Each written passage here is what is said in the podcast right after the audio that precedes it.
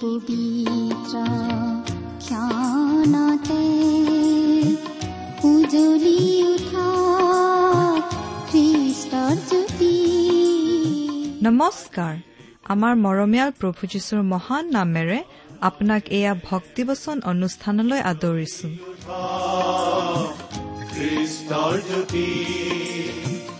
আকাশ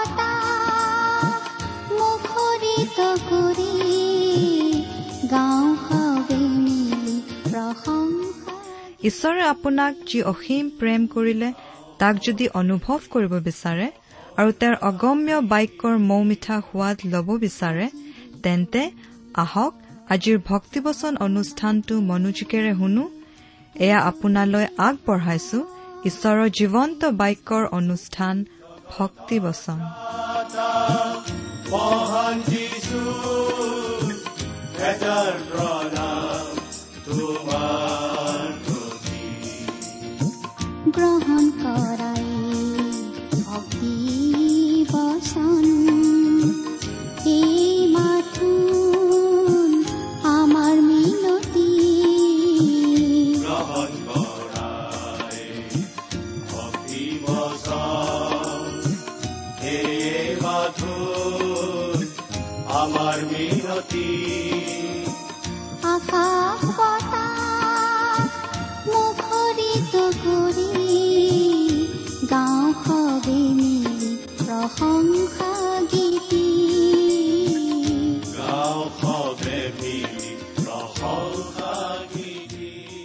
আমাৰ মহান ত্ৰাণকৰ্তা প্ৰভু যীশুখ্ৰীষ্টৰ নামত নমস্কাৰ প্ৰিয় শ্ৰোতা।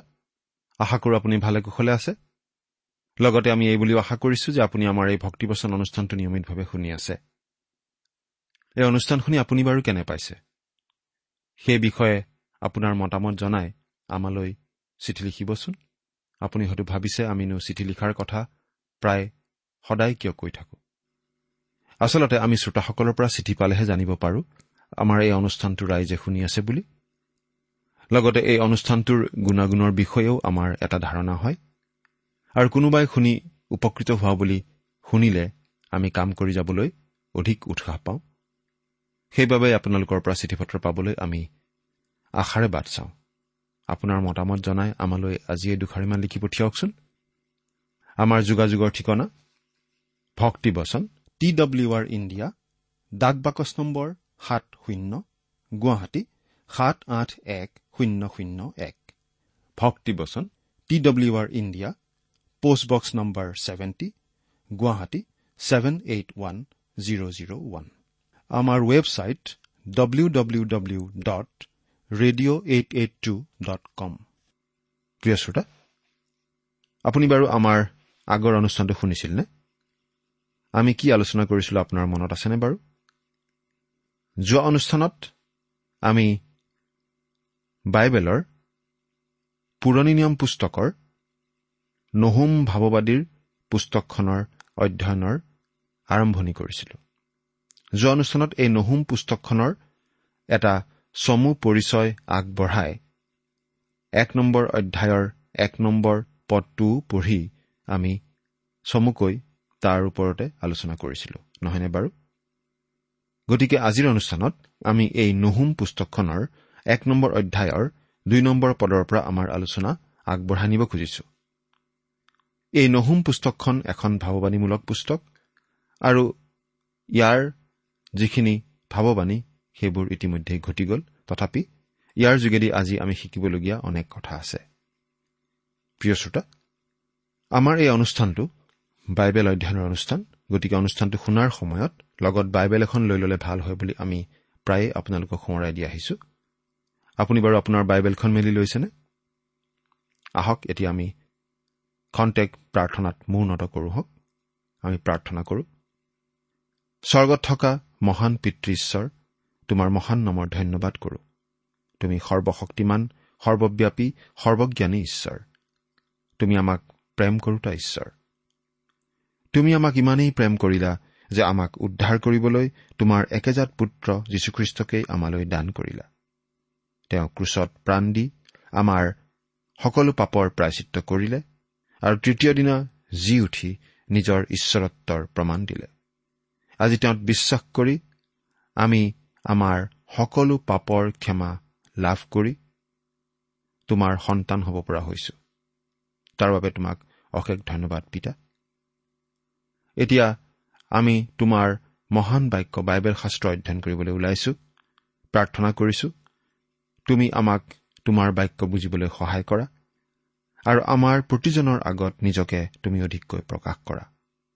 আমাৰ মৰমৰ শ্ৰোতাসকলক তুমি বিশেষভাৱে আশীৰ্বাদ কৰা কিয়নো এই প্ৰাৰ্থনা আমাৰ পাপৰ প্ৰাচিত্ৰ কৰিবলৈ ক্ৰুচত প্ৰাণ দি তৃতীয় দিনা পুনৰ জি উঠি এতিয়া স্বৰ্গত আমাৰ বাবে নিবেদন কৰি থকা ত্ৰাণকৰ্তা প্ৰভু যীশুখ্ৰীষ্টৰ নামত আগবঢ়াইছো।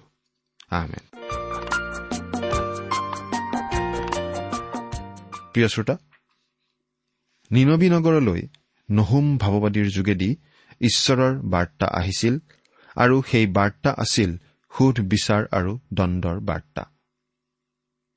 প্ৰথম অধ্যায়ৰ প্ৰথম পদত আমি নহুমৰ এটা চমু পৰিচয় পালো। ইলকুচ নামৰ ঠাইৰ বাসিন্দা আছিল সেই নহুম ভাৱবাদী নহুম খুব সম্ভৱ ইছৰাইলৰ উত্তৰ ভাগ ৰাজ্য অৰ্থাৎ ইছৰাইলত জন্মিছিল। কিছু সৰুকালতেই দক্ষিণৰ জিহুদা দেশলৈ তেওঁ গুচি গৈছিল। উত্তৰ ৰাজ্যখনৰ প্ৰতি তেওঁৰ যথেষ্ট দৰদ আছিল আৰু এই ৰাজ্যৰ লোকসকলক ওচৰীয়াবিলাকে পৰাস্ত কৰি বন্দী কৰি নিয়াৰ সময়ত তেওঁ জীয়াই আছিল বুলি আমি অনুমান কৰিব পাৰো। নিনবী নগৰলৈ যে ঈশ্বৰৰ সুধবিচাৰ নামি আহিব ধৰিছিল সেয়েই আছিল এই নহুমৰ বাৰ্তা। এতিয়া বাইবেলৰ পৰা পঢ়ি দিম। নহুম এক নম্বৰ অধ্যায়ৰ দুই নম্বৰ পদটো প্ৰথমতে পঢ়িছো। যদিহে লগত বাইবেল আছে চাই যাব। আৰু যদিহে লগত বাইবেল নাই অনুগ্ৰহ কৰি মন দি শুনিব। নহুম এক নম্বৰ অধ্যায়ৰ দুই নম্বৰ পদ। জিহুৱা নিজ মৰ্যাদা ৰখাত উদ্যোগী আৰু প্ৰতিকাৰ সাধুতা ঈশ্বৰ। জিহুৱা প্ৰতিকাৰ সাধুতা আৰু ক্ৰোধেৰে পৰিপূৰ্ণ। জিহুৱাই নিজ বৈৰীবোৰৰ ওপৰত প্ৰতিকাৰ সাধে আৰু নিজ শত্ৰুবোৰৰ নিমিত্তে ক্ৰোধ ৰাখে। ঈশ্বৰ জিহুৱা নিজ মৰ্যাদা ৰখাত উদ্যোগী আৰু তেওঁ দাবী কৰে তেওঁৰ লোকসকলে যাতে কেৱল তেওঁকেই আৰাধনা কৰে। যেতিয়া কোনো মানুহে প্ৰতিমা সেৱালৈ মন মেলে আৰু পাপলৈ মন মেলে অৰ্থাৎ ঈশ্বৰ বিৰোধী যিকোনো কথা বা কাৰ্যলৈ মন মেলে আৰু সেইবোৰতে নিজক সঁপি দিয়ে তেতিয়া ঈশ্বৰৰ হিংসা জাগি উঠে। মানুহে কয় মানুহৰ হিংসা আৰু ঈশ্বৰৰ হিংসাৰ মাজত অলপহে পাৰ্থক্য আছে। কিন্তু প্ৰিয় শ্ৰোতা আচলতে মানুহে ভবাৰ দৰে পাৰ্থক্য বেছি নাই। যাত্ৰা পুস্তক বিশ নম্বৰ অধ্যায়ৰ তিনি নম্বৰ পদৰ পৰা ছয় নম্বৰ পদলৈকে আমি এই বুলি পঢ়িবলৈ পাওঁ মোৰ আগত তোমাৰ আন কোনো দেৱতা নাথাকক। তুমি নিজলৈ কোনো কটা প্ৰতিমা বা ওপৰত থকা স্বৰ্গত তলত থকা পৃথিৱীত আৰু পৃথিৱীৰ তলত থকা পানীত যি যি আছে সেইবোৰৰ আকৃতিৰে কোনো মূৰ্তি নাসাজিবা। সেইবোৰৰ আগত তুমি প্ৰণিপাত নকৰিবা আৰু সেইবোৰক সেৱা পূজাও নকৰিবা কিয়নো তোমাৰ ঈশ্বৰ যি হোৱা মই মোৰ মৰ্যাদা ৰখাত উদ্যোগী ঈশ্বৰ। মোক ঘীনাওতাবোৰৰ তৃতীয় চতুৰ্থ পুৰুষলৈকে সন্তানবিলাকৰ ওপৰত পিতৃবিলাকৰ অপৰাধৰ প্ৰতিফল দিওঁতা আৰু মোক প্ৰেম কৰা আৰু মোৰ আজ্ঞা পালন কৰাবিলাকৰ হাজাৰ হাজাৰ পুৰুষলৈকে দয়া কৰোতা ঈশ্বৰ। ঈশ্বৰে আপোনাক ভাল পায়। আপুনি কোন? সেইটো অপ্ৰয়োজনীয় কথা। আপোনাক তেওঁ ভাল পায়। আপোনাক ভাল পোৱাত আপুনি তেওঁক বাধা দিব নোৱাৰে। কিন্তু আপুনি এনেকুৱা অৱস্থালৈ যোৱাটো সম্ভৱ য'ত আপুনি ঈশ্বৰৰ প্ৰেম অনুভৱ কৰিব নোৱাৰা হয়গৈ। আপুনি যেতিয়া পাপৰ ছাতি এটা মেলি লয় তেতিয়া ঈশ্বৰৰ প্ৰেমৰ ৰ'দ আপোনাৰ গাত নপৰা হয়। কিন্তু সেই সময়তো সেই ৰ'দ আপোনাৰ বাবে আছে। আপুনি অমনোযোগিতাৰ ছাতি মেলিও হয়তো থাকিব পাৰে। আপুনি তেওঁৰ প্ৰতি পিঠি দি তেওঁৰ ইচ্ছা পালন নকৰাৰ ছাতি মেলি থাকিবও পাৰে। আপুনি বিভিন্ন ধৰণে ছাতি মেলি ধৰি আপোনাৰ গাত ঈশ্বৰৰ প্ৰেমৰ ৰ'দ পৰি চিকমিকাই থকাত বাধা দি ৰাখিব পাৰে। কিন্তু আপোনাক প্ৰেম কৰাত ঈশ্বৰক আপুনি বাধা দিব নোৱাৰে। প্ৰিয় শ্ৰোতা যিহেতু ঈশ্বৰে আপোনাক প্ৰেম কৰে তেওঁ আপোনাক লৈ আচলতে হিংসুক অৰ্থাৎ তেওঁ আপোনাক বিচাৰে। আচলতে আপোনাৰ যি যি আছে সেইবোৰ ঈশ্বৰে নিবিচাৰে। শিক্ষক প্ৰচাৰকসকলে সদায় আপোনাৰ যি যি আছে সেইবোৰ বিচাৰিহে কথা কৈ থাকে। আমিও আচলতে দান দিয়াৰ বিষয়ে শিক্ষা দিব নলগা হলেই ভাল পালোহেঁতেন। তেনেকুৱা শিক্ষা দিবলৈ বহুতেই অলপ অসুবিধা পায়। ঈশ্বৰৰ লোকসকলে যদি বিভিন্ন পৰিচৰ্যাবোৰৰ খৰচ বহন কৰিব পৰাকৈ দান আগবঢ়াই থাকে তেতিয়া অৱশ্যে সেই বিষয়ে মানুহক বাৰে বাৰে অনুযোগ কৰি থকাৰ প্ৰশ্নই নুঠিলেহেঁতেন। কিন্তু আপোনাৰ যি যি আছে সেইবোৰ ঈশ্বৰে নিবিচাৰে। তেওঁ আপোনাকহে বিচাৰে। আৰু আপুনি যেতিয়া আপোনাৰ সময় আপোনাৰ বয় বস্তু আদি আৰু আপোনাক নিজকে আন কিহবালৈ দিয়ে তেতিয়া ঈশ্বৰৰ হিংসা হয়। যেতিয়া আপুনি নিজকে পাপলৈ এৰি দিয়ে তেতিয়াও ঈশ্বৰৰ হিংসা হয়।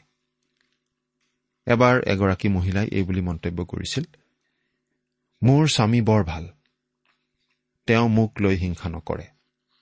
প্ৰিয় শ্ৰোতা আমি ভাবো সেই মহিলাগৰাকীয়ে কোৱা কথাখিনি আচলতে প্ৰশংসামূলক নহয়। আজি আমি এনে এটা যুগত বাস কৰি আছো যে মানুহবিলাক বহল মনৰ হ'ব লাগে বুলি কোৱা হয়। বিশেষকৈ যৌনতাৰ ক্ষেত্ৰত।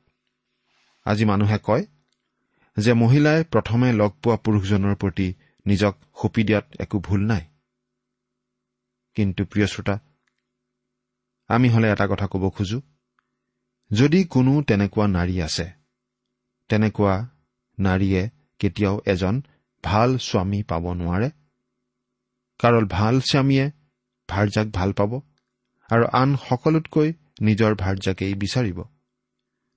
আৰু আন কাৰো সৈতে নিজৰ ভাৰ্যাক ভগাই ল'বলৈ নিবিচাৰিব।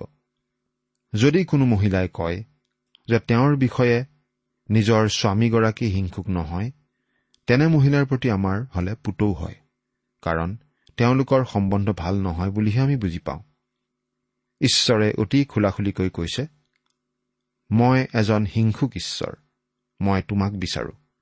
মই তোমাক এই জগতৰ পাপৰ সৈতে ভাগ বটোৱাৰা কৰিব নিবিচাৰো। নাইবা ছয়তানৰ লোকবিলাক আৰু প্ৰতিমা সেৱাৰ প্ৰতিও তোমাক মই এৰি দিব নোখোজো। মই তোমাক আন কাৰো সৈতে ভগাই ল'ব নোখোজো। আন কাৰো লগত ভগাই ল'ব নোৱাৰো। তুমি মোৰ হৈ থকাটোৱেই মই বিচাৰো একমাত্ৰ মোৰ। এৰা ঈশ্বৰে নিজকে হিংসুক ঈশ্বৰ বুলি কোৱাত একো ভুল নাই।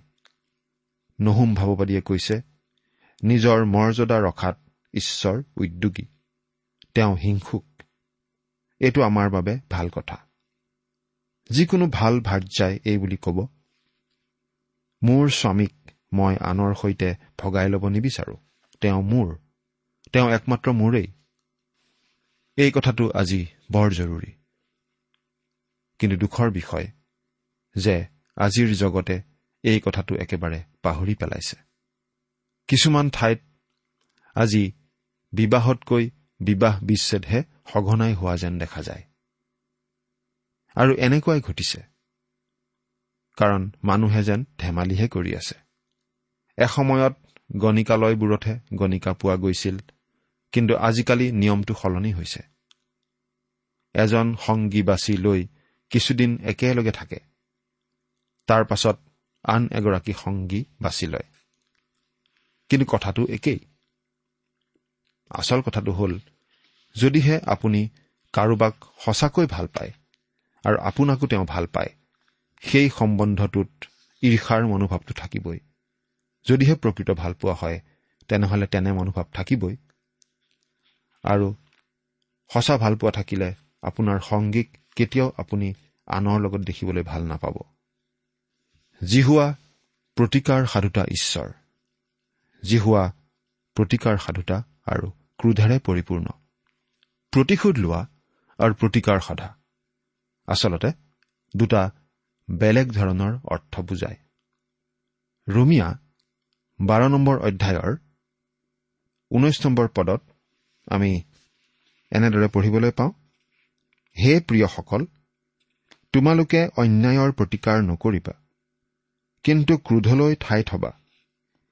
কিয়নো এনে লিখা আছে প্ৰভুৱে কৈছে প্ৰতিকাৰ কৰা মোৰ কৰ্ম মইহে প্ৰতিফল দিম। ঈশ্বৰে আপোনাক মোক কৈ আছে তোমালোক প্ৰতিশোধ পৰায়ণ নহবা। কাৰণ প্ৰথম কথা তোমালোকে কেতিয়াও ন্যায়সংগতভাৱে সেই কাম কৰিব নোৱাৰা। সেই কাম মোক দিয়া। মই কোনো খং আৰু উত্তেজনা প্ৰকাশ নকৰাকৈ সেই কাম কৰিম। সেই কাম মই ন্যায়সংগতভাৱে কৰিম। মই উচিত কামটোহে কৰিম। আৰু মই গোটেই বিষয়টো তাৰ আনুষাংগিক বিষয়বোৰ ভালদৰে জানো। এই বিষয়ে মই গোটেইখিনি কথা জানো। ঈশ্বৰে প্ৰতিকাৰ সাধে আৰু ভাল পাওঁ বা নাপাওঁ ঈশ্বৰে সকলো শুদ্ধভাৱেই কৰে।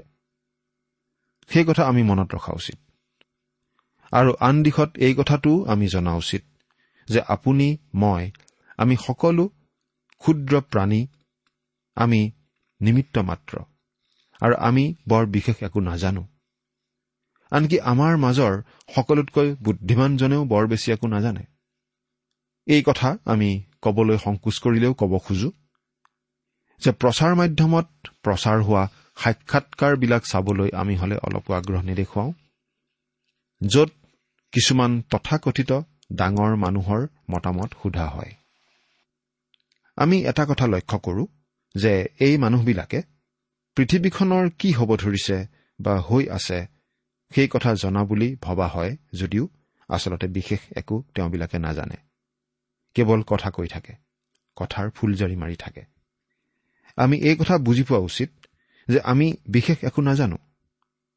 আৰু ঈশ্বৰে যি কৰে সদায় শুদ্ধ কৰে। যদিহে আপুনি সেই বুলি নাভাবে তেনেহলে ভুলটো আপোনাৰহে ভুল ঈশ্বৰৰ নহয় ভুল আপোনাৰহে। এই কথাটো আপুনি গ্ৰহণ কৰি লয় নে নজয় আমি নাজানো। যদিহে গ্ৰহণ কৰিব নোখোজে তেনেহলে ঈশ্বৰ বিষয়ক কথাত আপুনি সমস্যাত পৰিব কাৰণ বহুতো কথা আছে যিবোৰ তেওঁ আপোনাক বা মোক নকয় আৰু নজনায়। তেওঁ কেৱল আগবাঢ়ি যাব আৰু সেই কামবোৰ কৰি যাব। ঈশ্বৰে তেওঁৰ এই বিশ্বব্ৰহ্মাণ্ডখন তেওঁৰ মতেই সদায় চলাই আহিছে আৰু চলাই গৈ থাকিব। এই বিশ্বব্ৰহ্মাণ্ড পৰিচালনা কৰাৰ ক্ষেত্ৰত তেওঁ আপোনাৰ বা মোৰ মতামত দিহা পৰামৰ্শ নলয়। আপোনাৰ বা মোৰ ওজৰ আপত্তি তেওঁ নুশুনে। আমি এই কথা জানো যে বহুতো ক্ষমতালোভী মানুহ এই পৃথিৱীত আছে। কিন্তু তেওঁলোক এই পৃথিৱীত বেছিদিন নাথাকে। আমি জনা কুখ্যাত একনায়কত্ববাদী শাসক কোনোৱেই বহুদিন জীয়াই থকা আমি শুনা নাই। আমাৰ বাতৰি কাকতৰ প্ৰথম পৃষ্ঠাত যিসকল লোকৰ নাম আজি আমি প্ৰায়েই পাই থাকো প্ৰায় প্ৰতিদিনেই পাওঁ সেইসকলৰ নাম কোনোবা এদিন আমি মৃতকৰ পৃষ্ঠাত দেখিবলৈ পাম নিশ্চয়। তাৰ বাবে বহুদিন বাট চাব লগা নহয় নিশ্চয়। কিন্তু আমাৰ সৃষ্টিকৰ্তা ঈশ্বৰ হলে সদায় সিংহাসনত আছে। তেওঁ এতিয়াও সকলো নিয়ন্ত্ৰণ কৰি আছে। এৰা ঈশ্বৰ ক্ৰোধী। মানুহৰ পাপত ঈশ্বৰে একো আনন্দ নাপায়। তেওঁ পাপক ঘীন কৰে। আৰু পাপৰ প্ৰতি তেওঁ সদায় ক্ৰোধী। জিহুৱা প্ৰতিকাৰ সাধুতা আৰু ক্ৰোধেৰে পৰিপূৰ্ণ। জিহুৱাই নিজ বৈৰীবোৰৰ ওপৰত প্ৰতিকাৰ সাধে আৰু নিজ শত্ৰুবোৰৰ নিমিত্তে ক্ৰোধ ৰাখে। ঈশ্বৰে যেতিয়া কোনো এটা জাতিৰ সুধবিচাৰ কৰে তেতিয়া তেওঁ গৌৰৱান্বিত হয়। যেতিয়া ওচৰীয়াবিলাকৰ পতন হৈছিল তেতিয়া ঈশ্বৰেই গৌৰৱান্বিত হৈছিল। সেই ওচৰীয়াবিলাক অতি বৰ্বৰ ঘীনলগীয়া পাপপূৰ্ণ জাতি আছিল আৰু ঈশ্বৰে তেওঁলোকক ধূলিচ্যাত কৰি দিছিল। তেনে কাম কৰিলে ঈশ্বৰ গৌৰৱান্বিত হয়। ঈশ্বৰৰ কৰ্মপন্থাৰ সৈতে আমি পৰিচিত হোৱাই ভাল কাৰণ ঈশ্বৰে তেনেদৰেই কাম কৰে আৰু কৰি যাব। তিনি নম্বৰ পদত নহুমে দেখুৱাইছে ঈশ্বৰে কি নীতিৰে ওচৰীয়াবিলাকক বিচাৰ কৰিলে আৰু কি নীতিৰে এই জগতখনৰো বিচাৰ কৰে আৰু ভৱিষ্যতেও কৰিব?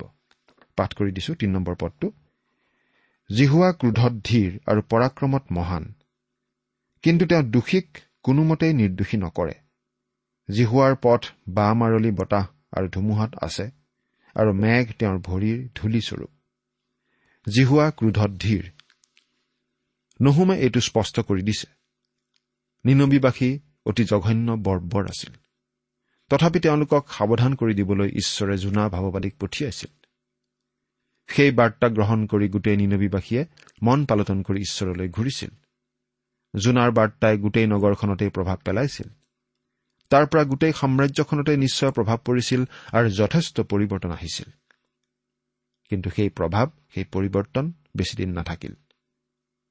ডাঙৰ ডাঙৰ পুনৰ জাগৰণবোৰৰ ক্ষেত্ৰতো এনেকুৱাই ঘটে। নুহুমে কৈছে যে ঈশ্বৰ ক্ৰোধত ধীৰ। কিন্তু নিনবী নগৰখন আকৌ আগৰ পথলৈ উভতি গৈছে। জোনা ভাৱবাদীৰ এশ বছৰ পাছত এতিয়া নহুম ভাৱবাদী আহি কৈছে বাৰ বাজিল সময় শেষ আৰু দেৰি নহ'ব সুধ বিচাৰ দণ্ড আহি আছে। কিন্তু তেওঁ দোষীক কোনোমতেই নিৰ্দোষী নকৰে। ঈশ্বৰৰ ন্যায় বিচাৰতেই তেওঁৰ ন্যায় প্ৰকাশ পায়। কাৰণ তেওঁ ক্ৰোধত ধীৰ। সেই নিনবী নগৰখনক শাস্তি বিহিবৰ কাৰণে তেওঁ এশ বছৰ লগাইছে আৰু সেই কাম তেওঁ ন্যায়সংগতভাৱেই কৰিছে। ঈশ্বৰে অপৰাধীক এনেই এৰি নিদিয়ে যদিহে অপৰাধীয়ে মন পালটন নকৰে। যদিহে মন পালটন কৰি খ্ৰীষ্টক গ্ৰহণ নকৰে খ্ৰীষ্টই যিহেতু তেওঁবিলাকৰ অপৰাধৰ বাবেও শাস্তি বহন কৰিলে তেওঁবিলাকৰ পাপৰ সুদবিচাৰ হ'ব লাগিব। ঈশ্বৰে অপৰাধীক এনেই কেতিয়াও এৰি নিদিয়ে। ঈশ্বৰ সৎ আৰু ন্যায়বান। ঈশ্বৰৰ ক্ষমাদান আমাৰ ক্ষমাদানতকৈ বেলেগ। কেতিয়াবা কোনোবাই আমাৰ বিৰুদ্ধে কিবা কৰিলে আমি মাথোন কওঁ আপোনাক মই ক্ষমা কৰিছো। সিমানেই মাত্ৰ। কোনো জৰিমনা ভৰা নহয়। আমাৰ ক্ষমাদান কাৰ্যটো সাধাৰণতে সৰু সুৰা কথাতহে হয়। অৱশ্যে কেতিয়াবা অলপ দৰকাৰী কথাও থাকিব পাৰে। কিন্তু যেতিয়া ঈশ্বৰে ক্ষমা কৰে জৰিমনা ইতিমধ্যেই ভৰা হৈ গৈছে। প্ৰভু যীশুখ্ৰীষ্টই ক্ৰুচৰ ওপৰত আমাৰ হৈ সেই জৰিমনা ভৰি থৈছে। ঈশ্বৰে এই পৃথিৱীৰ বিচাৰক।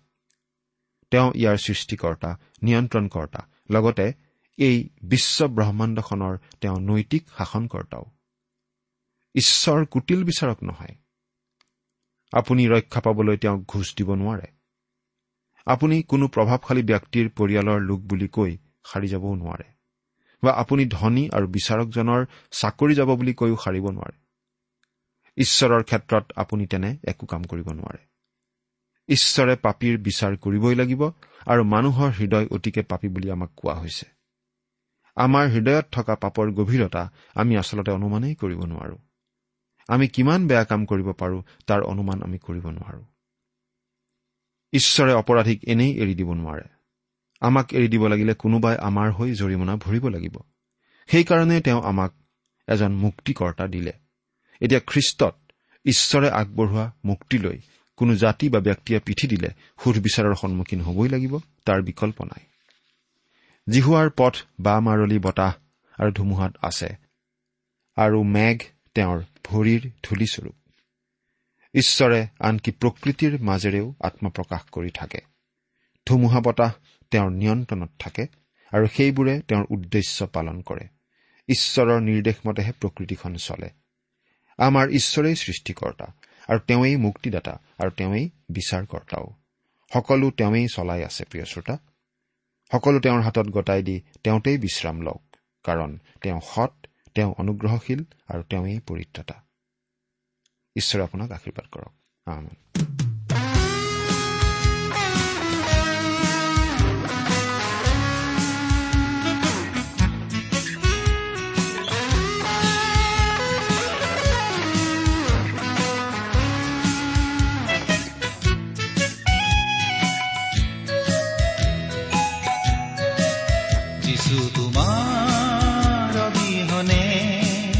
আজি মোৰে জীৱন আৰু একো নিবিচাৰো। যিছু তোমাৰ অবিহনে আজি মোৰে জীৱন আৰু একো নিবিচাৰো।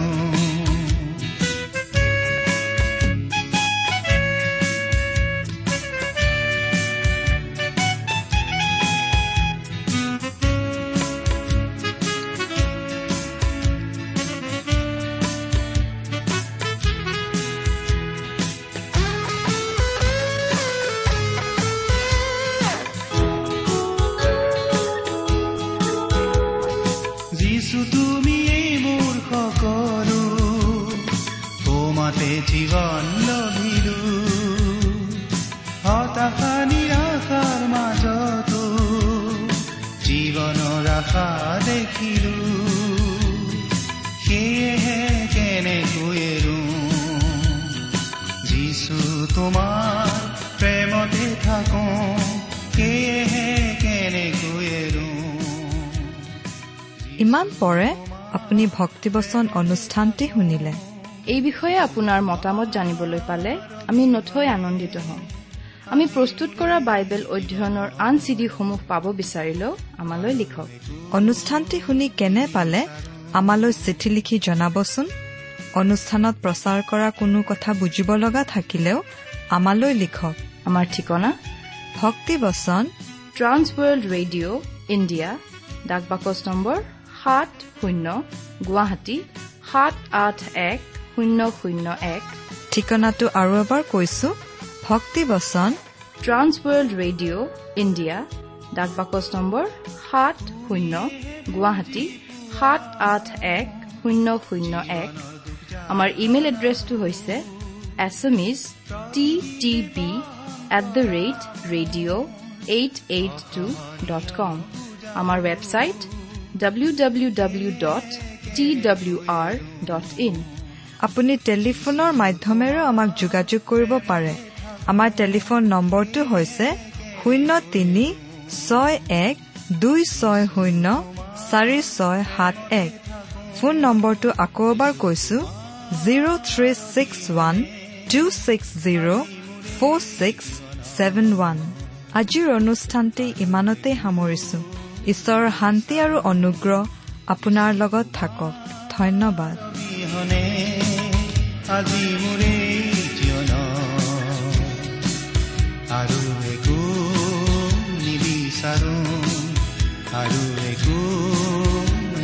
নিবিচাৰো